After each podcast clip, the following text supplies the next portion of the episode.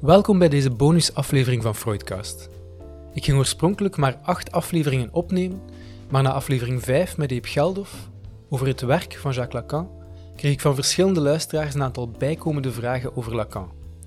Ik had niet meer de tijd om een negende psychoanalyticus te zoeken om die vragen mee te bespreken, maar dat kwam eigenlijk nog goed uit, want ik wou eigenlijk ook graag eens een vriend en medestudent aan het woord laten die heel boeiend kan vertellen over de ideeën van Jacques Lacan.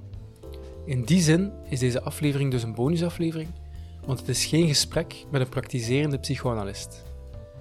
Ik spreek deze week zodoende met Miel de Witte, een vriend en medestudent waar ik mee in kartel zit en die ooit, uit eigen beweging, lang voor hij begon aan zijn opleiding psychologie, Lacan is beginnen lezen. Dat is op zich al redelijk uniek, maar nog interessanter is het feit dat hij ook zeer inzichtelijk over die ervaring kan vertellen. Hij spreekt in deze aflevering over zijn eigen hoogstpersoonlijke kennismaking met het werk en het gedachtegoed van Jacques Lacan, iets wat volgens mij ook heel inspirerend kan zijn voor andere studenten en luisteraars. Het is ook een gesprek geworden dat dieper ingaat op veel verwijzingen naar Lacan uit vorige afleveringen. We hebben het onder andere over het structuralisme van Lacan, over het tekort, over angst en verlangen en over Lacans seksueringstheorie. Misschien is deze aflevering een klein beetje theoretischer dan de vorige afleveringen, maar voor een bonusaflevering lijkt me dat wel oké. Dit is ook met zekerheid het einde van deze eerste podcastreeks. Er komt zeer waarschijnlijk nog een tweede reeks, maar ik moet eerst even de tijd nemen om door mijn examens te geraken. Als jullie feedback hebben op deze reeks, stuur dan gerust een berichtje via de Facebookpagina van Freudcast. En waarschijnlijk tot volgend jaar dus. Bedankt voor al het luisteren en ook hier weer veel luisterplezier. Dag Miel, uh, welkom bij Freudcast. Het is uh, een keer een speciale aflevering, het is een beetje een bonusaflevering, waarin dat ik nu een keer niet in gesprek ga met een analist, misschien wel een aspirant-analist, zeer waarschijnlijk, maar wel met een medestudent eigenlijk. Hè? Want, ja, uh, ja, dat klopt. Dat is ook hoe dat we elkaar hebben leren kennen, denk ik, mm als studenten. Um, en misschien moet ik dat voor de luisteraars nog even toevoegen. De reden dat we deze aflevering opnemen ook, is omdat um, na de aflevering van Eep Geldof kwam er heel veel positieve commentaar. En kwamen er ook nog heel veel vragen over Lacan. En daar gaan wij nu eens uh, een beetje over doorpraten. Dat is eigenlijk het idee. Uh, allee, vragen over Lacan, over hoe dat je Lacan leest, uh, dat ja. soort zaken. Um, en in die zin dacht ik eigenlijk te beginnen met iets heel eenvoudig. Gewoon een keer te praten over hoe dat wij elkaar hebben leren kennen. hoe dat ik me herinner is, ik denk dat de examenperiode was, waarin dat we het vak psychoanalyse, modellen in de psychoanalyse, uh, hadden. En er waren heel veel vragen uh, op die studentenfora uh, over psychoanalyse.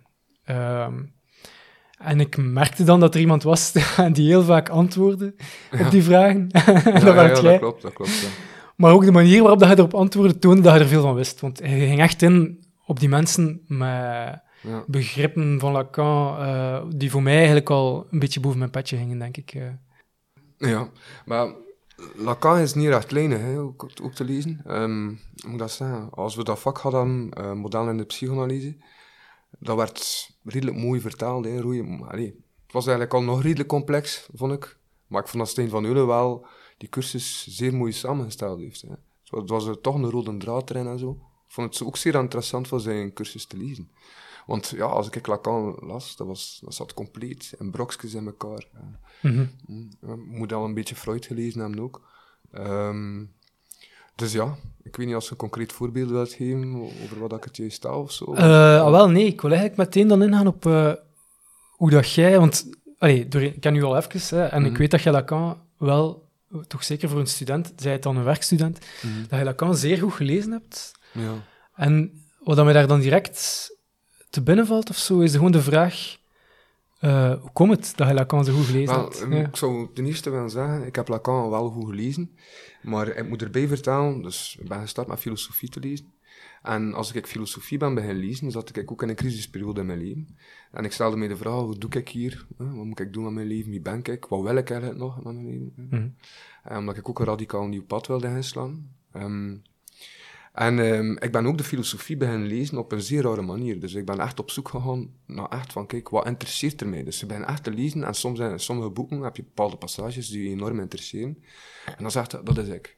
Je? Dat is ik, want dat bleef lang niet. Je zocht eigenlijk jezelf in die Ja, kennis. Ja, soms las ik zelfs boeken achterstevoren. Hè, omdat ik niets vertrouwde. En, ehm, en ik kwam bij Lacan, dat was de ideale auteur daarvoor. Hè. Want Lacan zijn discours zit vol met haten, zit vol met... Ja, die is niet te betrouwen. Het, is een, het is een ik vond zijn manier van, van schrijven daarom enorm interessant. Dat daagt nu uit misschien. ja, En, en, het daagde mij uit, maar niet echt uit. Dan, het was meer hoe dat ik was. Ik herkende mij daar ook in. Ik zei van, het leven is zeer, zeer complex. Zeer moeilijk. Enorm veel ambivalentie, eh, tegenstrijdigheden en passes. Je raakt er gewoon niet aan uit. En als iemand je zo iets wil geven, dat kant en klaar afgewerkt is, ik vertrouwde dat niet. Hmm. Versta je? En, eh, ik had ook onmiddellijk door dat dat niet klopte. Bijvoorbeeld mijn ervaring in de filosofie, omdat ik, dat voor mij was wel belangrijk, want ik kom uit de filosofie. Dus als, als ik Lacan begon te lezen, ik las Lacan liever dan Freud bijvoorbeeld. Freud was ook helderder geschreven. Freud zit ook vol met contradicties hoor, het is daar niet van. Maar Freud is wel helderder geschreven. Bijvoorbeeld, eh, Lacan is obscuur, barok. Maar voor mij was dat super om dat te lezen. Ik was ook gewend, ook, moet ook rekenen, ik had ook de, Duitse idealisten gelezen, zoals Kant, Hegel. En dat is ook enorm complex. En eh, je zit soms op een pagina of tien, kunt je soms een uur en een half bezig zijn, voor eigenlijk zinnetje per zinnetje te gaan lezen en dan een beetje te gaan opzoeken ernaast en zo, ehm, voor het te begrijpen. Terwijl bij Lacan, ehm, bij Lacan eh, voelde dat nog anders aan. Ik had de indruk als ik Lacan las, dat dat enorm praktisch was. Dat hij een menselijk enorm diepe kennis had van iets dat je niet kon weten. En daarom was ik enorm aan Lacan. Speelde het mee dat je, dat je al al die filosofen had gelezen?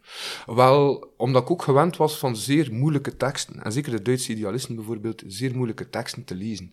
En ik wil er wel nog bij vermelden bijvoorbeeld, ehm, de filosofie. Ik ben gestart met de Griekse filosofen te lezen. Dus Aldo, oh, dat niet, ik heb ze niet allemaal gelezen van Plato, maar toch zeer veel. Aristoteles eh, heb ik ook, eh, zeker de ethica bijvoorbeeld, tot drie, vier keer eruit gelezen. En dan begin aan de metafysica en zo. Ehm, ja, Anima bijvoorbeeld ook. Enfin, wat, ik, wat ik vond bij de Grieken, en zeker bij Plato, maar Socrates en zo, en, eh, dat was dat, dat alles daar veel meer, dat er dan nog veel meer eenheid in zat. Alles was veel minder verbrokkeld. Dus ik, daar was, was de ethiek nog één met het dagelijkse leven. Men ging zich vragen stellen over de dingen dat men zag. Het was zeer praktisch. Ja. Ehm, concreet ook. Hè. En, en toch zag je nog bomen eh, en, en de bos. Je? Je zag dat alle ja, twee. ja. Hè. Terwijl als je bijvoorbeeld de filosofie begint te volgen, ehm, dan, dan verbrokkelt dat com- compleet. En aan het einde weet je niet meer wat dat waar is. Hè. In de filosofie, je hebt verschillende stromingen. ehm, en ja, dus je komt uit bij Lacan en je bent gewend van een vorm van verbrokkeling te hebben. En dan bij, bij Lacan heb je een, andere, een ander gevoel als hem leest. Hebt dus toch, toch een gevoel dat ik Lacan altijd wel een bepaald punt wil helemaal. Ik, er is iets daar rond gat draait. Mhm. En er is een radicaal nieuw weten in Lacan. Maar rond dat nieuw weten, als je dat genoeg ronddraait, creëert je een weten. En dat is Lacan. Maar Lacan moet je lezen, herlezen, herlezen, herlezen. En ehm, je creëert een weten dat je soms moeilijk kunt verbaliseren rond een niet-weten. En dat was voor mij iets radicaal nieuws voor te lezen. Een radicaal andere positie dan in de filosofie. De filosofie zal bijvoorbeeld proberen terug het gat te dichten. Proberen weer een theorie te geven die, die af is, die je kan meegeven met iemand. Een idee of zo. Hè. Bij Lacan daarentegen, dat gat gaat nooit opgevuld. En ehm, daarom vind ik wel, mensen, heb sommige mensen die zeggen van, oh, kan je is niet duidelijk genoeg. Maar de vraag is, wat wilt je weten? Wilt je de oplossing hebben voor je leven? Wilt je iemand die zegt van, zo moet je leven, dat gaat in orde komen? Dan moet je Lacan niet lezen. Lacan vertrekt vanuit een punt dat er iets niet kan geweten worden. Hè, En dat het altijd een vorm van ja, vallen en opstaan gaat zijn. Ik zou zelfs verder gaan, misschien zoals Beckett zegt. Hè. Je moet leren vallen. Vallen is de essentie. Je leert vallen, vallen, vallen en je valt beter. En falen in wat? Wel, dat, dat is dat terug dat tekort. Hè. Bijvoorbeeld, je valt in je leven, wij proberen succes te hebben, proberen te slagen in iets. Maar als je bijvoorbeeld de psychoanalyse bekijkt, ja, wat is slagen? Als je echt slaagt, staan nu hebt te verlangen. Hè. Als je slaagt in je verlangen, is dat een trauma. Is dat zo? Dat is zo. Als je je verlangen realiseert, dan heb je een trauma. Omdat, omdat je dan, ja, maar dat is nu een beetje theoretisch, omdat je verdeeld subject dan samen met object A komt en dan op dat moment heb je geen verlangen meer. Dus uh, Mhm. wie zegt, wat je, wat moet je doen in je leven? Ja, ja. Dan is angst, hè. dat is echt die intense, intense angst dat je dan hebt. hè. Hm. Dus dat, dat is niet eh schrik. Hè. Want schrik heeft nog een objectangst. Anders kun je totaal niet gaan plaatsen wat dat het is. Hè. Dus bijvoorbeeld paniekaanval. Bijvoorbeeld. Ja, ja, het ging er ook over in eh, aflevering 7, geloof ik, met Ja. Verbeke. Ja. Verlangen is een ramp, hè, als je verlangen uithoofd. Hè. Dus eh, ja, ik vind Lacan eh, en ook de psychoanalyse, zeker dan aan de Kaniaans, maar eigenlijk ook al bij Freud, het draait eigenlijk rond het verlangen. Hè, rond, rond te maken dat je plezier kunt hebben in, in je leven en dat je met je tekort misschien eh, je kunt identificeren en daar iets mee doen in je leven. Hè. En daarom, je zult altijd falen. Hè. Ja, je zult altijd falen, maar je kunt door meerdere faling iets leren over jezelf en, er ook iets mee doen, denk ik. Hè. Ik, denk dat, ik, denk, ik kan nooit spreken in mijn leven dat, dat, allee, dat ik geslaagd ben. En Ik, ik, ik, ga nu terug naar de filosoof bijvoorbeeld, maar ga je naar de wijze Solon. Solon, men vroeg van, kijk, ehm, Solon, wanneer zijt je gelukkig? En Solon zei van, ja, dat kan ik niet zeggen, maar kan nog altijd in tegenslagen. Verstaat je? Maar dat is ook een bepaalde manier van denken over wat is succes en zo. Hè. Maar ik ben ook meer zo, ik denk dat in je leven dat het gaat om rond kwetsbaarheid. En bij Lacan zegt bijvoorbeeld ook van de kracht van de meester is af te meten aan de hoeveelheid kwetsbaarheid dat hij kan verdragen. Dat toont ook dat hij een heel andere visie heeft op wat dat meesterschap is. Dan bijvoorbeeld de meester die superkrachtig en machtig is. in het meester. Die alles weet, Voilà, ja. dat is meer dan die ideale... De idealisering van de, wat dan een meester is. Maar in principe, een meester is iemand die zeer veel kwetsbaarheid kan verdragen en met die kwetsbaarheid misschien iets doen en daar zijn kracht uit halen. Dus. Veel, veel beter. Hè. En wat heb je dan eigenlijk gelezen van Lacan? Ja, ik ben ook maar ik ben op een rare manier beginnen lezen met Lacan. Ik ben begonnen omdat ik, eh, ik was ook. eh, eh, er zijn bepaalde filosofen, ik kan dat misschien erbij vermelden, die wel ehm, mij zeer goed, voor mij belangrijk waren. Socrates was er bijvoorbeeld één van. Ehm, Nietzsche was ook ehm, belangrijk voor mij voor te lezen. Kant ook, maar, Kant op een andere manier. Ik zag, ik, voor, mij was Kant iemand dat op de man zet en dat probeert. ehm, je heeft niets van wetten, er is, er niets zeker en je probeert iets van zekerheid te creëren. dat is dwangneurotisch misschien wel, maar dat, wa- dat was een heel andere insteek. Maar Kant vond ik ook zeer interessant omdat hij zijn project heeft opgestart en hoe dat hij daar ook mee bezig was. En de trucendoos die hij uithaalde daarvoor ook. Dus eh, die onderneming van Kant is, gewoon, eh, is fenomenaal, hetgeen dat hij heeft proberen te doen. Ehm, dus Socrates, Nietzsche, die, die de Kant ook voor hetgeen dat hij heeft proberen te doen. Ik ben ook via Karl Marx gepasseerd. Karl Marx was ook zo een van de eh, filosofen dat ik lang heb bij mij stilstaan. Want ik ben ehm, ook, laat- misschien zouden ze via de DSM zeggen ODD. Ik was redelijk ehm, een rebel. En als er iemand afkwam van dat is zeker, wel, ik wilde dat ontkrachten. Verstaan je? Maar dat kan niet zeker zijn. Het leven is zo complex en ik wist ook door de ervaring dat ik meegemaakt heb in mijn leven, zeer veel mensen hadden dat niet meegemaakt, maar ze hadden wel het hoogste woord. Ze gingen wel zeggen wat dat was. Terwijl ze konden ze niet weten wat dat was. Hoe kan je niet weten wat dat was als je niets hebt meegemaakt in je leven? Verstaan je? Dus je kunt die ervaring niet van. En ik ben Karl Marx bij gaan lezen, ook omdat ik was een beetje anti-maatschappij, rebel en zo. En ik ging ook iets aan projecteren. Dus hetgeen dat niet ging in mijn leven, ging ik proberen maatschappelijk op te lossen.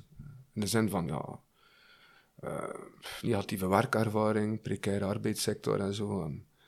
Eh, altijd problemen met mensen die zeggen wat je moet doen. En ik ben echt Karl Marx bij lezen en ehm, ja, en via Karl Marx ben ik zo bij Seminarie 17 begonnen. Voilà, Ah, wacht, dat is dat wij aan het lezen Ja, eigenlijk, hè? Lovette la psychanalyse.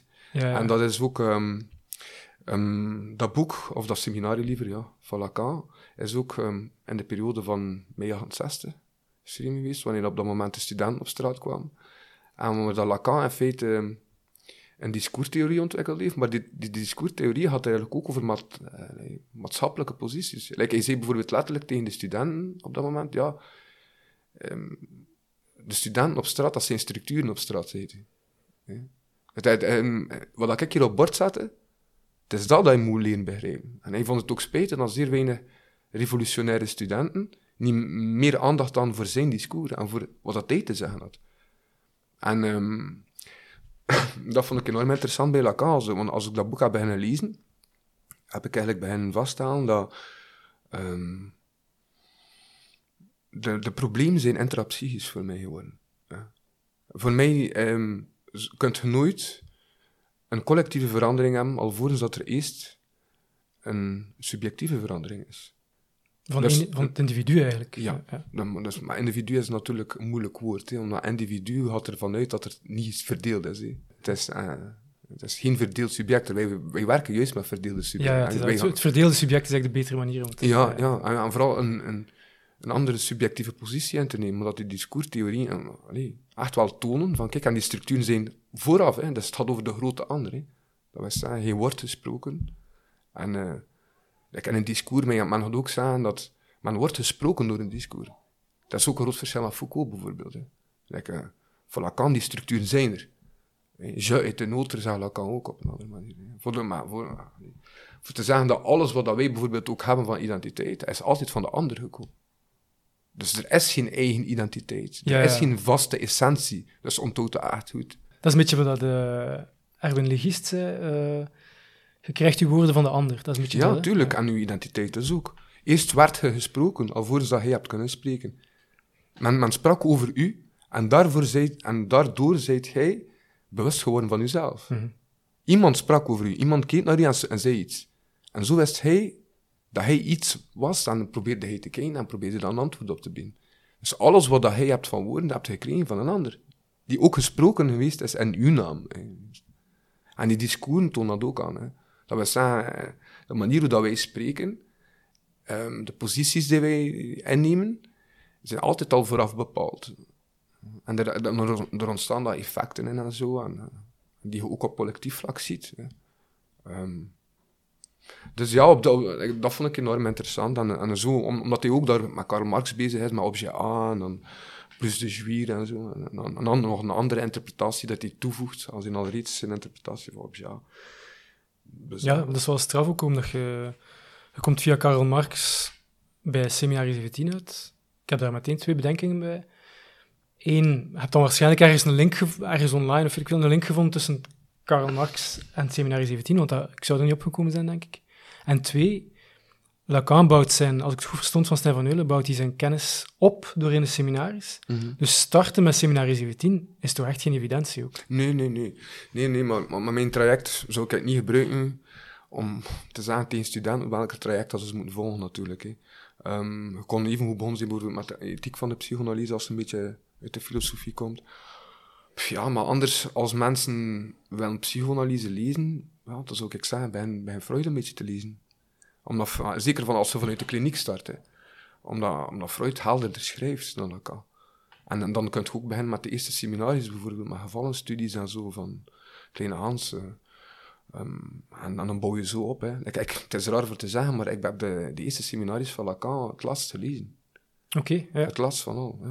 Dus jij vindt niet, je zou niet zeggen, begin bij Seminarie 1 of zo. Dat is niet... Het is te zien wat dat uw voorgeschiedenis is. Mhm. Begint jij bij de filosofie, dan kunt je met, met ethiek beginnen bijvoorbeeld. Hè. Of kunt je ook naar seminarie 17 gaan. Ja. En ik, ik zou zeggen, lees een beetje en afhankelijk van je voorgeschiedenis zult je wel dingen tegenkomen dat je herkent. En dan kunt je misschien eerst dat, dat boek lezen of zo. Misschien is het ook handig voor eerst een beetje samenvattende werken te lezen van Lacan. Hè. Bijvoorbeeld ons vakmodel in de psychoanalyse is een zeer goede introductie aan Lacan geweest. Ehm, Ja, wat, ik ook, eh, wat mij toch ergens ook verbaast is... ehm, je, je werd echt gebeten door Lacan, hè, want de meeste mensen lezen Lacan in, in kartel. Hè, doen er dan ook heel lang over Mhm. om één seminarie te lezen. mhm. Maar ik denk dat jij toch op een sneller tempo... Ja, ehm, maar van mij was het ook, nogmaals, hè, en dan, ehm, mhm. als ik filosofie ben en beginnen lezen, ben ik beginnen te lezen op zoek naar mezelf. Ik heb mezelf in geschriften lezen. En weet je dat ik daarop gekomen ben? Via Hegel. Hegel zei iemand die... Ja, Hegel, Slavoj Žižek bijvoorbeeld, dat was de meest sublieme hysteric, hystericus. Ehm, in de zin van... leeft. Iedereen leeft, iedereen heeft ervaring. Op een bepaald moment raakt je vast in die ervaring. En dan ziet je ook dat bepaalde ervaringen zich herhalen. Dat is dan weer meer psychoanalytisch, maar er zijn dingen die zich herhalen. En waren altijd zeggen, de faling naar hè. En soms kan die faling zodanig belangrijk in je leven worden, omdat er zodanig gehad wordt, ehm, dat je begint te lezen omdat je zegt van er zijn andere auteurs die misschien ook wel gelijkaardige dingen hebben meegemaakt als mij. Verstaan? Hegel zei het al, op een bepaald moment had je de bibliotheek moeten binnenstaan. Je zei het gewoon concreet zo. Je had zult in een passes verzeild raken dat je met je eigen reflectief proces niet uit zal geraken. En dan gaat je moet naar de voorvaders gaan. En dat zit ook in de psychanalyse. Psychanalyse is, is een vaderlijke lijn. Wil ik zeggen, dat is... Je moet terugkeren naar Freud. Versta je dat ik wil zeggen? Dat is niet like voortschrijdend inzichten. Nee, mhm. het is een filiatie. Je schreef je in in een traditie. En dat was ook iets dat ik nodig had. Omdat ik, ik, ja, ik had een tekort aan, aan een vaderfunctie. De psychanalyse zou je kunnen zeggen, is van wat is een vader? Freud zei, wat is een vrouw? Wat wil een vrouw, liever? Maar we komen uit van, wat is een vader? Wat is die vaderfunctie? En, en dat is ook mijn vraag geweest. Uh, en um, dus je moet, moet beginnen lezen, je stap de bibliotheek binnen, op zoek naar jezelf. En op zoek naar wat zijn handvatten voor mij in mijn leven. En je vindt altijd wel auteurs die, die u meer te bieden hebben, meer te zeggen hebben over uzelf, dan dat hij ooit zou geweten hebben alleen. Dat is ook raar hoor, want als ik aan het lezen was, zei ik, man, maar die mens zegt hier iets, dat ik heb, op een manier, dat ik zelf zou kunnen zeggen, ondanks het feit dat ik het nooit heb kunnen zeggen. En op dat moment zegt hij van, ik heb hier iets gevonden van mezelf. Hm. Dat zeer diep ligt. En um, bij Lacan heb ik zeer veel zo'n ervaring gehad. Dus het was echt een diepe herkenning eigenlijk. Ja, ja, ja, ja. Toch wel, ja. ja. En dan zijn ze begonnen bij Seminarie 17 en dan zijn ze blijven lezen eigenlijk. Ja, ja, dus Seminarie 17, maar um, ja, ik had ook eigenlijk... Lacan ben ik bij terecht gekomen via Alain Badiou. Alain Badiou is nu nog een hedendaagse communistische filosoof meer. Um, die ook zeer um, praktische werken schreef. Ja, dat, wil ik ook zeggen. Alles dat ik las in Lacan, dat is ook een hele rare manier van lezen, was praktisch. Voor mij, ik las het ding dat ik moest kunnen gebruiken. ding dat ik mijn inzicht aan handvatten ging geven in mijn eigen leven. Dus ik heb Lacan zeker niet op een universitaire wijze gelezen. Hmm. Ik heb Lacan gelezen letterlijk van wat heeft hij te zeggen over mij, dat ik kan herkennen van mij, en dat ik via dat iets kan doen in mijn leven. Dus ik heb kijk, Lacan ook in Flarden gelezen, en Brokskes gelezen. Er waren passages die voor mij totaal cryptisch waren, dat ik gewoon overliet. Want zo is het eigenlijk. Ik lees, ja, ik lees er ook door. Dus ik, kan niet, ik zeg, ik laat ze over, maar ik heb ze gelezen, maar ik begreep ze niet goed. Maar ik probeerde de dingen die ik dan wel goed begreep, te link met de dingen dat ik niet begreep. Dat was zo like een puzzel, een rebus, eh, een doolhof proberen te doorgaan. En constant terugkeren. En, en, en die puzzelstukken klikten wel uiteindelijk een beetje in elkaar? Nou, nee. Nee. niet echt. Niet echt. Uh, nee, ik heb Lacan ook zeer in veel brokstukjes gelezen en zo. En um, Lacan, dat zeggen... Ja, ik weet niet als je in Lacan één grote rode draad kunt vinden, eigenlijk. Ik weet het niet. Um, ik heb, ik heb eerlijk, als ik een rode draad zie in Lacan, is het door mijn eigen leven. Zijn het door mijn eigen ervaring die ik um, in de psychoanalytische theorie kan zien, uitgelegd worden op een of andere manier, of grip erop krijgen. En door het feit dat ik mijn eigen leven constant legde bij de theorie en de theorie er tegen lag, en dan terug weer in de praktijk bracht en, en probeerde... Uh, voor mij was echt dat lezen van Lacan niet iets dat je las en dat je een examen van aflegde. Lacan, mijn examen was over mijn leven bijvoorbeeld. Ik ging dat gaan uitproberen. En ik ging mezelf er tegen gaan houden, tegen het licht gaan houden. En, veel dingen begreep ik ook niet. En door zeer veel dingen te herhalen, te herhalen, we zijn weer bij de herhalen, herhalen. Op den duur begint, uh, ja, als te staan, er stolt iets. Er is iets dat fossiliseert, iets dat, dat zich vaststaat en waarom dat je opeens, of niet, dat is ook niet op één moment in een flats van een toilet of zo, maar begint voeling te krijgen met iets. En, ehm, Vind je dat dan een, een soort uh, meerwaarde? Dat hij zo. Uh, je hebt zelf al het woord cryptisch gebruikt, maar dat hij zo op bepaalde punten ondergrondelijk lijkt? Ja, maar iedere mens is ondergrondelijk. Ja, maar, ik ben, ik ben zo, ah, ja. maar ik ben ook zo begonnen. Eh, ik was een enorme, moet dat zeggen, een enorme rebel. Hè. Ah, je moet nog voorkomen, ja. ik heb een oplossing. Als Henk ik gezegd en ja, wat was hij hier aan het vertellen tegen mij eigenlijk? Voor ik was een kwakzalver. Versta je? Want hij kan mij niet uitleggen hoe dat ik moet leven. Want alles dat, ik kan nu alles zeggen dat ik heb meegemaakt. En vraag nu, wat zou hij gedaan hebben? En dan onmiddellijk als hij iets zou gezegd hebben, zou ik u tegensproken hebben, zou ik gezegd hebben, maar ik heb dat geprobeerd. Ik heb dat geprobeerd, en nu is dat gebeurd, en is dat gebeurd, en wat zou je gedaan hebben? ik ben ook een duiveltje in een doos, want ik zou u volledig onder een tafel gebabbeld hebben. Er is geen oplossing, er is geen perfecte oplossing. En ja, Sommige keer krijg je een goede raad, maar kun je hem ook niet uitvoeren. Hè. En dat wil ik er ook wel nog bij vermelden. Hè. Ik, ben, ik wil, omdat ik ook gezegd heb, um, Dus ik ben via Marx geweest, dus eerst maatschappelijk, sociaal, en dan ben ik naar de psyche geweest, intrapsychisch. En dan ik ook zeg van, het is het psychische dat, dat moet veranderen eerst. Maar ik wil er wel bij zeggen, ik ben iemand die ook biopsychosociaal denkt. Dus het is een feit, als hij in een zeer moeilijke sociale situatie gezeten hebt of zit, dat het voor u zeer moeilijk zal zijn om dat zomaar iets in te veranderen. Want ik, ik blijf erbij hè, dat um, er moet iemand zijn die wil luisteren naar u. Enkel dan kunt hij wat dat belangrijk is voor u uitdragen. Dus ik spreek een beetje Carl Gustav Jung nu tegen. Omdat Jung zegt van eenzaamheid ontstaat eigenlijk omdat mensen de dingen die voor hen belangrijk zijn, niet kunnen uitspreken, niet onder woorden kunnen brengen.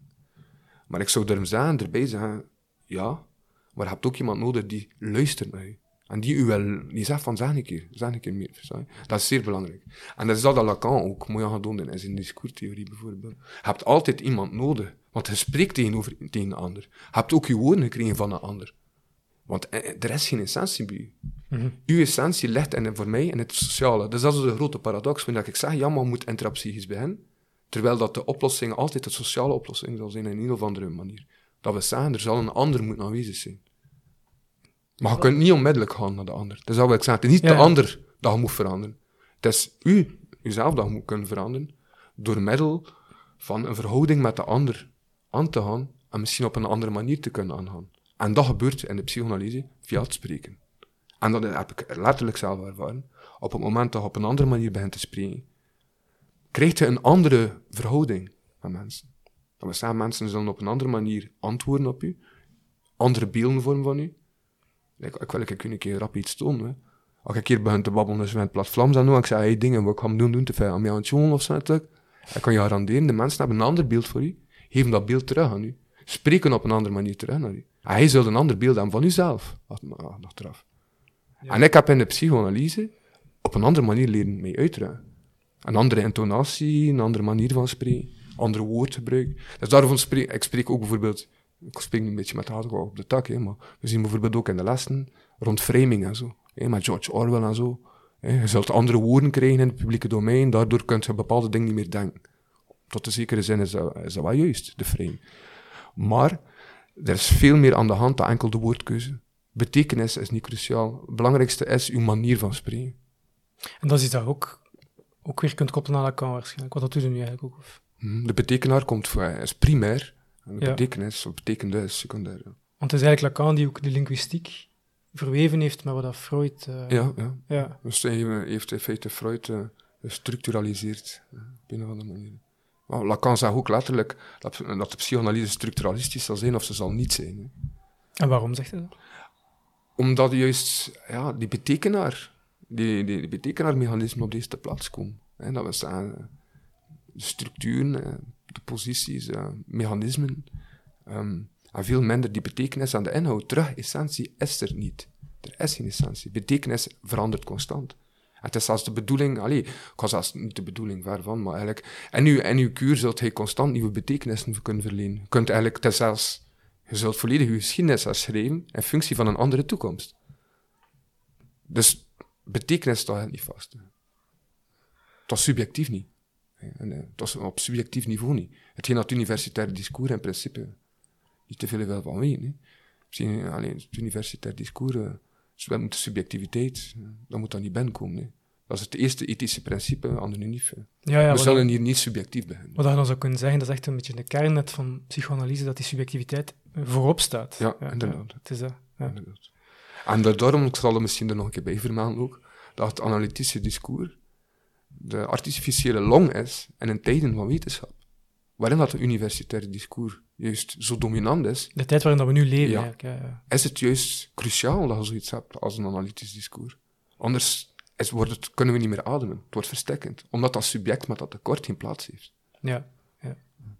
Uh, je hebt daarnet ook Jung even vermeld. Ja. ja. Maar ik wil er expres op inpikken, omdat ik kreeg zo na de aflevering van uh, Eep Geldof, kreeg ik een mhm. aantal uh, vragen. En een daarvan was, uh, waarom hebben ze in die afleveringen altijd over Lacan en bijvoorbeeld nooit een keer over Jung? Ah, oké. Ja, maar Jung, Jung is zeer interessant om te lezen, maar ehm, dat was al bij Freud het geval. Hè.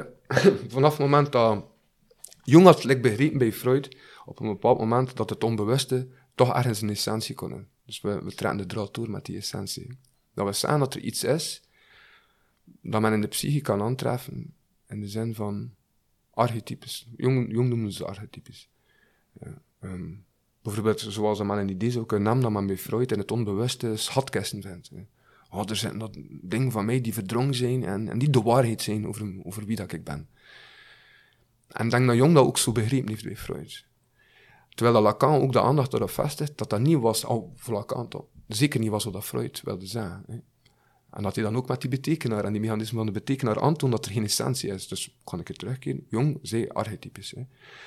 En wat, dat, wat dat Lacan bijvoorbeeld zei, van ja, als je dat gaan bevestigen, en dan zit hij in de wachtkamer van de waanzin. Zeg. Maar dan, en hij ziet ook, ja, laten we eerlijk zijn, Jong heeft ook ja, bepaalde psychotische ervaring toch had. Hm. Mhm.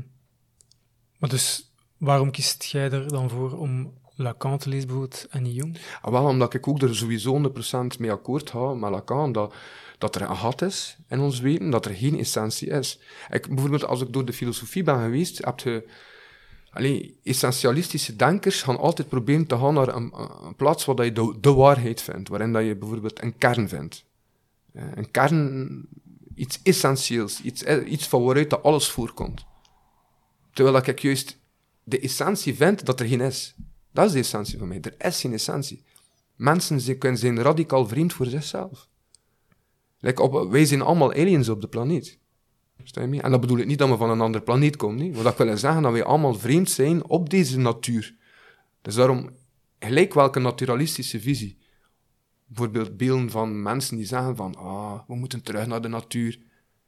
We kunnen nooit meer terug naar de natuur. We zijn niet natuurlijk. We zijn cultuurwezens. Talige wezens. Talige wezens, ja. Cultuur en taal voor mij zijn een gronddeels. Dat is gelinkt aan elkaar. Maar we spreken en we leven in een zeer gealieneerde realiteit.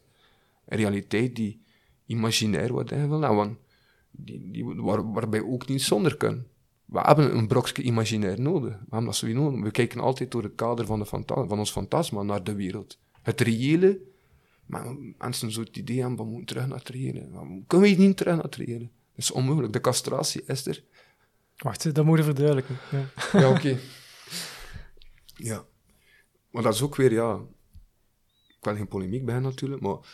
Er is een verschil tussen een seksuering en de seksualiteit. Bijvoorbeeld seksualiteit zou ik dan gaan, gaan zeggen van, ja, dat zijn bijvoorbeeld genderverschillen. Seksuering is het feit, we zou kunnen zeggen, dat tussen het woord en het ding ding in de werkelijkheid, het reële ding, dat er een kloof is tussen die twee. Alleen voor ons zou dat moeten vanzelfsprekend zijn. Niet dat het vanzelfsprekend moest zijn, hè, want we moeten er ons wel degelijk vragen mee stellen. Maar wil ik zeggen, als, als zijnde dat wij ons in de psychoanalyse aan inschrijven, het woord en het ding, je hebt pas rapport seksueel. Hè. Ik zeggen, er is geen copulatie tussen de twee, er is geen, geen rechte connectie tussen die twee. Dat zijn twee compleet verschillende dingen.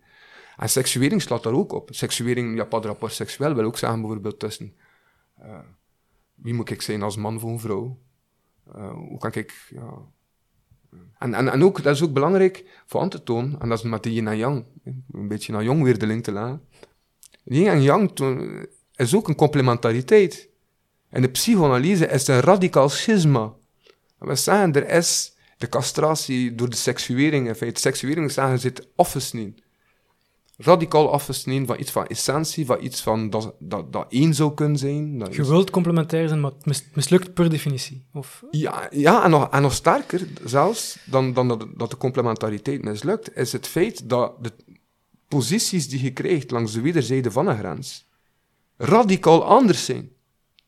Hm? Het is niet warm en koud, maar het is zoals een autoband en... Uh, ja, ik zeggen, een, een autobaan en een vrucht bijvoorbeeld. Dan zeg van, hoe kunt je die twee dingen nu aan elkaar linken? Wat zijn radicaal verschillende posities. En ik zou zelfs nog de, de lijn durven doortrekken, maar dat is nu wel een beetje hypothetisch. De klassenstrijd van Marx kun je ook op die manier gaan interpreteren. Dat we zeggen, iemand die bijvoorbeeld opgegroeid is uh, in sociale gedepriveerde omstandigheden, zal een radicaal andere wijze hebben van na te denken en zich te verhouden tot de autoriteit, tot alles dat je maar zou kunnen denken. Dan iemand die bijvoorbeeld, ja, mee is met de dominante cultuur en daarin zit en... Dat is onoverbrugbaar, die kloof.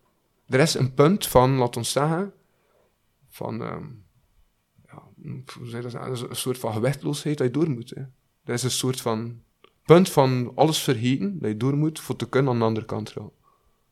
Je kunt aan de andere kant rouwen. Maar er is een punt van alles te verliezen voor te kunnen aan de andere kant rouwen. Hij had er niets kunnen over zijn, over dat punt, by the way. Wat beschouw je dan als de andere kant? Wel, als, als we de klassenstrijd bijvoorbeeld zouden bezien als bijvoorbeeld iemand die opgegroeid is in sociaal gedepriveerde omstandigheden, redelijk...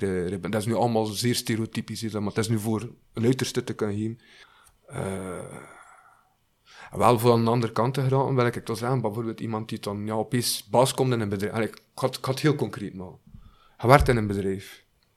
Je hebt nooit een positie kunnen innemen van autoriteit in een bedrijf, of gelijk welke functie van autoriteit in je leven. Je bent altijd de slaaf geweest, vrij simpel. En die dat werk uitvoert, dan moet luisteren en niets te zeggen heeft. En moet zwijgen. Wel, ik... Allee, denkt hij dat dat gemakkelijk zou zijn voor u als hij zo opgegroeid bent? En ook daar een vorm van uw persoonlijkheid halen, van te rebelleren. Te zeggen, de basis is allemaal klootzaan. Versta je me? Dat is, dat is, weet je ook wel dat dat niet waar is. Maar dat is uw positie dat hij neemt. Dat is ook de rol die hij neemt. Die je ook moet nemen. Zo de rebel, dat is hetgeen dat mij mijn fierheid heeft. Mijn, mijn, ja, mijn maakt dat ik nog kan rechtstaan morgens en in de wereld rondlopen. Wat dat bij fierheid de schaamte van de schaamte is, by the way. Maar zo. Uh, maar je ziet langs de andere kant, die een baas in dat bedrijf heeft een compleet andere visie bijvoorbeeld. Over alles wat hij doet. Hè. Hij zal ook eh, de indruk hebben dat hij goed aan het doen is. Hè. Die een ander langs de andere kant zo gewoon de indruk hebben dat Maar dat zijn compleet andere, radicaal andere posities. Dus ik, ik, ik geloof bijvoorbeeld niet, als je toch als marxist bent, dat je zomaar met een baas rond de tafel kan, kan zitten. En dat je tot een dialoog kan komen en tot een... Op het einde zijn we akkoord zijn. Win-win, kan dan de kapitalisten zeggen. Ik geloof dat niet. Ik geloof dat er radicale antagonismen zijn. En die zich streven in ieder mens zijn leven, omdat hij zou kunnen iemand zijn. Hm. Maar dus dat is dan vertaald naar ja, rapport seksueel. Kun je dat vertalen tot op intrapsychisch niveau doen? Ja, het is interessant dat il y a, pas de rapport seksueel. Uh, Stijn van Eulen begon daarover, heel mhm. kort in mhm. zijn aflevering. Maar ik, weet, ik had er al van gehoord, maar ik had het nog niet... Uh, kon er mij niet echt een beeld bij vormen, bij uh, wat dat dan betekent. Ja, maar dat is, de, de, ja, maar, ja, pas rapport seksueel is eigenlijk echt, ja. Het, het is zeer abstract als het wordt. Maar eh, Hegel zei bijvoorbeeld, het meest abstract is het meest concrete. En dat is ook een van de redenen bijvoorbeeld waarom dat Lacan bijvoorbeeld Matthijms begint te gebruiken. Dat is wel een zeer abstracte uitspraak, vind ik. het is zeer abstract, maar ook zeer concreet. Zeer concreet wil ik daarmee zeggen, ook, um, ja, pas seksueel kan je op zoveel dingen gaan toepassen. Uh, um, het is in feite, wat is het? Het is een soort primordiale kloof. Seksu seksuering. Dus ik ga misschien nog een keer terugkeren naar die seksuering en seksualiteit.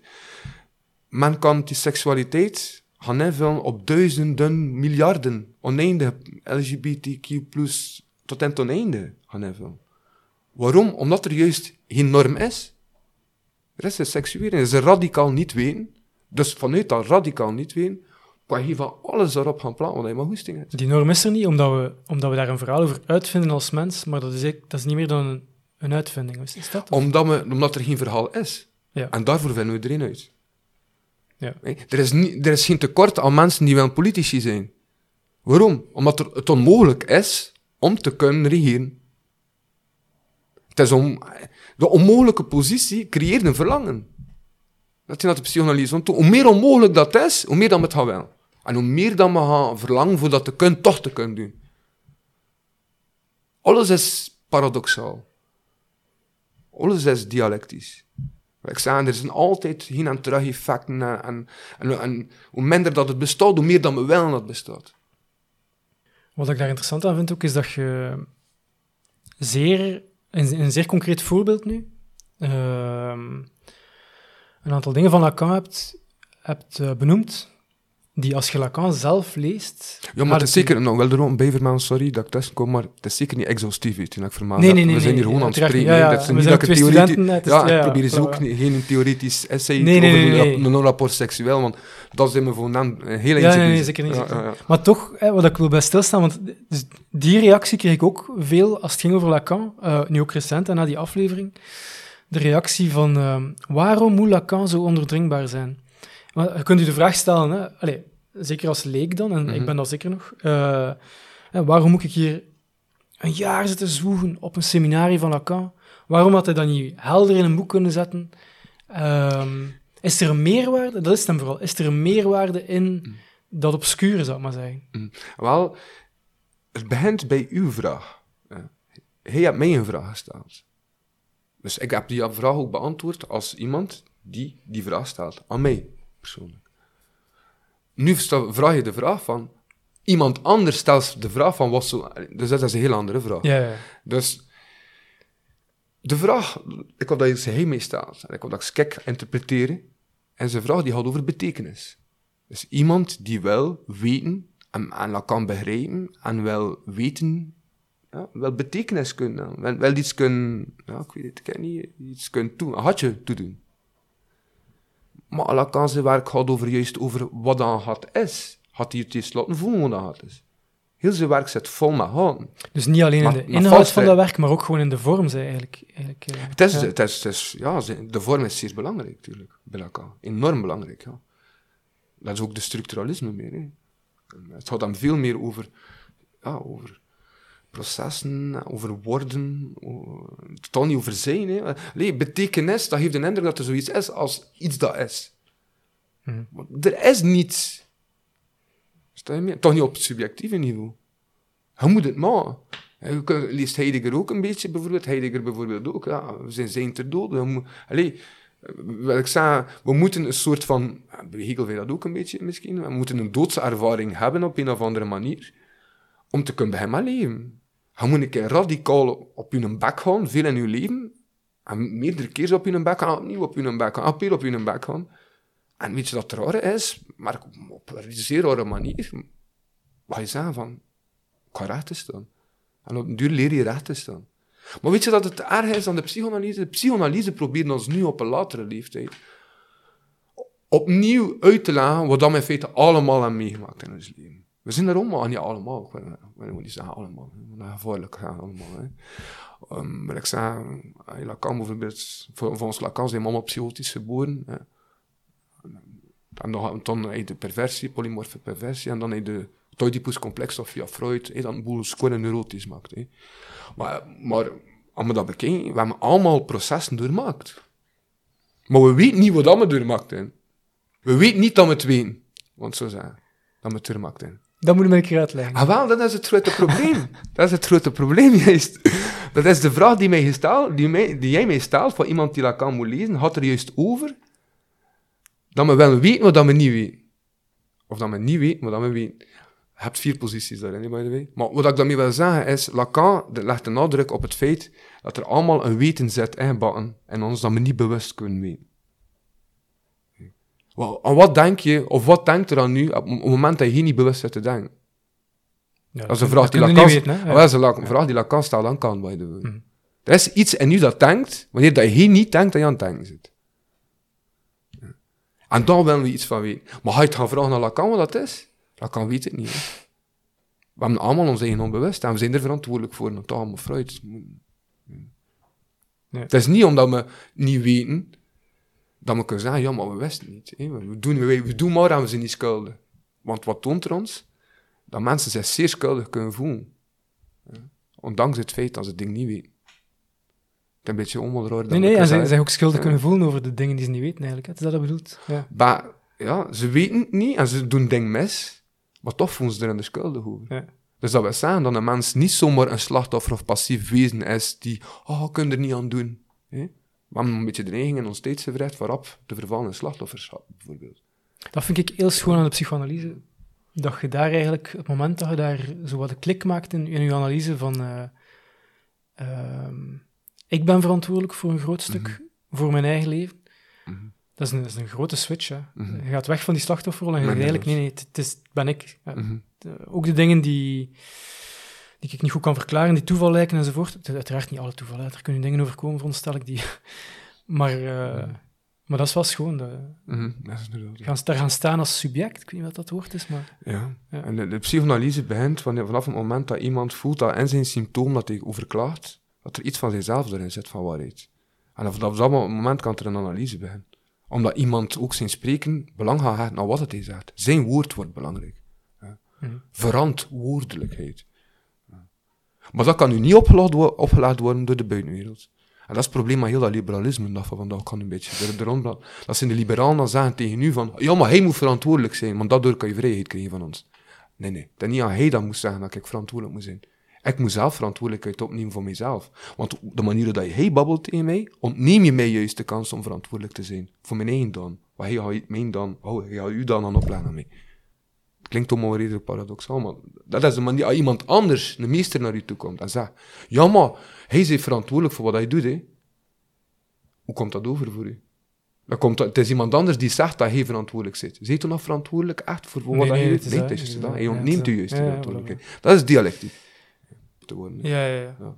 Ja. Misschien iets, iets anders. Eh, ik vermoed dat jij de, de meeste seminaries van elkaar hebt gelezen. Ehm, ja. ja, de meeste wel, ja. De Ja. meeste wel, ja. Zit, wat voor evolutie zit er in zijn werk? Ja, oké.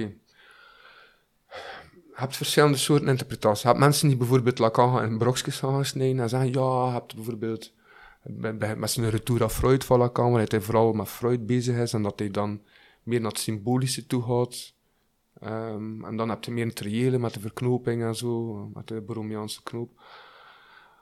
Mm, ik, ik zou zeggen, ja, je ziet inderdaad wel verschuiving, maar ik, ik vind dat ten eerste Lacan zich nooit echt tegenspreekt. Ehm, Lacan neemt verschillende perspectieven aan, dus hij komt op verschillende manieren binnen in zijn theorie, die enkel maar verrekend zijn. Die, die, die voor mij eigenlijk, ja, niet het andere tegenspreken, maar eigenlijk gewoon verrekenen en verruimen. Die je weer op een andere manier doen nadenken over hetzelfde? Of? Ehm, ja, ja, misschien op een andere manier leren nadenken, maar ook een aanvulling zijn hoor, erbij. Dus ehm, het, het gaat niet in contradictie, het verruimt gewoon uw begrip ervan. Ehm, dus ik zou Lacan zeker opletten, maar Lacan te veel te gaan opsnijden is te... ehm, ja. Dus eh, ja, en, eh, ik vind Lacan, je kunt, kunt van het begin begin lezen, kunt... Ja. Ik zou niet echt weten, ik, ik zeg begin te lezen, als je bijvoorbeeld natuurlijk hebt op... op ja, ik zeg de ethiek misschien, dat, wordt, dat werd niet veel aangeraden in een tijd, de ethiek te lezen. En waarom raden ze dat Om aan? filosofische achtergrond. Ah ja. Daarom zijn ze van, ja, Socrates komt er ook nog redelijk veel in en zo. ja, want ik ben een seminarie beginnen lezen ooit, seminarie 11 denk ik. Eh, en ik vond dat zeer... Ah, ja, ja, dat is ook Ja. een goede voor mee te beginnen. Ah, wel, ik, ik dacht dat het een goede was om mee te beginnen, omdat dat eigenlijk de, de, de, de basisconcepten of zo van Mhm. de... Allee, dat is Ja. zo'n zo'n titel, geloof ik. Ehm, Maar ik denk niet dat dat Lacan zijn eigen titel is. ah, ja, maar zwart. ja, het kan maar ja, ja. Ja, ja, het is wel, voor hem was dat gewoon een les. Het was niet dat er titels op geplakt werden. Nee, nee, en nee, ik weet ook niet als Lacan dat, dat zo zou noemen. Van ja, zwart. Ja, ja. Maar wat me toen wel opviel was dat... eh, ik vond dat net niet toegankelijk, want het seminarie dat we nu aan het lezen zijn, seminarie 17, vind ik ergens toegankelijker. Hij is iets helderder, vind ik, in wat dat hij wil zeggen. Eh, is de Mhm. indruk die ik heb. Hè. Terwijl in seminarie 11... Ik heb dat gelezen met een aantal psychoanalisten, waaronder één iemand die filosofie had gestudeerd. Mhm. En we hadden een vrees chance, denk ik, dat daar één iemand zat die filosofie had gestudeerd. Mhm. Want als je al die filosofen niet hebt gelezen, dan kom je soms op passages dat je echt niet snapt waar dat, dat vandaan komt. En, Mhm. eh, en het was dan een chance dat er iemand bij zat die kon zeggen, ah ja, dat, is bijvoorbeeld, dat komt van Kant, hè, dat is een begrip van Kant. En dat, dat. Is daarom dat ik ook in het begin zei van, het is waarschijnlijk wel een voordeel geweest dat je al die filosofen hebt gelezen, Mhm. omdat je hem dan... Oké, het blijft moeilijk om hem te lezen, maar je hebt dan toch een soort Ja, toegang tot zijn begrippenkader of zo. Ja, Ja. ja, dat is waar.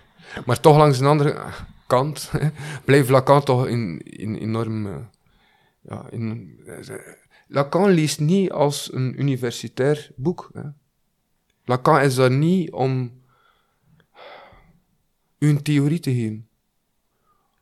Lacan is daar niet om u een toestel te geven, een gebruiksobject te geven, en te zeggen van begint er maar aan. Lacan is iets dat je moet doorploegen. En, waarin dat je geconfronteerd wordt wanneer dat je dat zeker van je vel op het spel zet. Hè. Dus je zet je eigen vel op het spel en dat je echt probeert niet te lezen wat dat hij wil lezen. Zo onbevangen mogelijk proberen te lezen. En je moet eigenlijk eerst jezelf misschien een beetje radicaal verloren zijn, voor dan te lezen.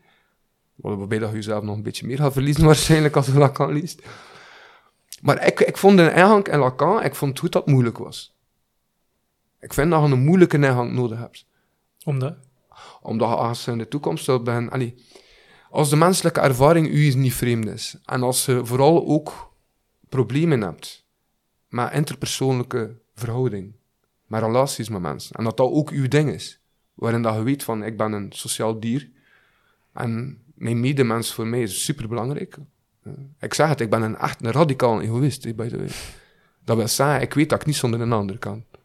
Dus dat wil zeggen dat als ik mezelf wil hebben, en iets voor mezelf wil hebben, moet ik eerst via de ander passeren. Dus die ander voor mij is super belangrijk. Nog veel belangrijker dan mezelf. En dat is echt puur egoïsme. Dus eh, had er 100% voor egoïsme, maar zijn een slim egoïst. Zij zijn radicaal in egoïsme, gaan naar de wortel. En dan... Als je problemen hebben met interpersoonlijke verhouding, is dat niet gemakkelijk. Het is zeer complex. Hij zit, en op de ene manier, als ik vraag, wie, wie ben jij? Had moeten vragen aan niemand. Wat gaan de mensen doen? Ze gaan het vragen aan een ander. Dan ga je begint spiegelen aan een ander mens. En die mens zegt dat over u. En die mens zegt dat over u. En die mens zegt dat over u. En wat gebeurt er met u? Je. Dus als je die vragen serieus neemt, vind ik, ja, moet het zeer complex zijn. En ik moet mijn eigen moeilijk in. Het mag, allee, je wilt toch iets, allee, het wat gemakkelijk is, smijt je rappen weg. En dat is ook waardeloos. Ik bijvoorbeeld, voor ik was dat duidelijk. Bijvoorbeeld, Freud zei dat ook. Freud zei bijvoorbeeld de universele liefde. We kunnen iedereen graag zien. Maar wat is uw liefde nog waard dan? Uw liefde is waardeloos, hè? En dat kan niet, want liefde legt je verplichting op. Als je met een partner zegt dat die partner sterft, je af. Dat is een stuk van je eigen ego die geraakt is. Een stuk van jezelf dat je verliest. Dat doet pijn. Dus kun je dan afkomen met universele liefde? En zeggen dat je, dat je afziet omdat er daar een kindje aangespoeld is aan de andere kant van de planeet? Ja, dat, natuurlijk is het gruwelijk, hè. Kan je dat niet, niet downplayen, hè, op een of andere manier? Maar voor nu te zeggen dat dat u echt raakt, dat Ja, weet ja. ik niet. Ja. Dat weet ik niet. Misschien, ja, ik weet het niet. En dus ook bij Lacan, het feit dat je er zo werk in moet steken, dat je daarin vroet, dat je daarin zoekt enzovoort, dat heeft dan ook zijn waarde omdat u bijblijft. Omdat je er iets mee gedaan hebt. echt. Je vindt jezelf terug door het ploeteren. Doordat het moeilijk is, vind je jezelf ergens erin terug. Dus het is ook meer dan kennis. Het is ook een... Het ja, het, het waren analisten niet zeiden, maar ik begreep het niet ten volle, maar nu snap ik het een beetje meer. Het vormt u echt, als mens eigenlijk. Ja, het vormt u. Het proces van Lacan begrijpen Ja. vormt eigenlijk uzelf. Ja. Ja. Het is al, leven is afzien, op een moment. Leven is moeilijk. Leven is ploeten. Lacan is ploeten. Lacan Ja. is afzien. Ja. En je vindt iets op het einde van de rit dat je op geen enkel ander boek gaat winnen. Ja. Is dat voor iedereen? Nee. Lacan zegt dat ook. Psychoanalyse is niet voor iedereen. En het is misschien niet omdat hij het niet wil dat voor iedereen maar Je, zet- je, verlangt, je heeft ook misschien wel een verlangen, Lacan, dat zoveel mogelijk mensen in de psychoanalyse zo geïnteresseerd zijn. Maar hij moet ook vaststellen dat het niet voor iedereen is. Ja. En dat hangt niet af van. Ja, dat is gewoon. ja, ja. Ja, misschien is dat een schone afscheid. Misschien wel. Ja. Merci. Ja, Eh, bedankt, bedankt, tot, Louis. eh, ja.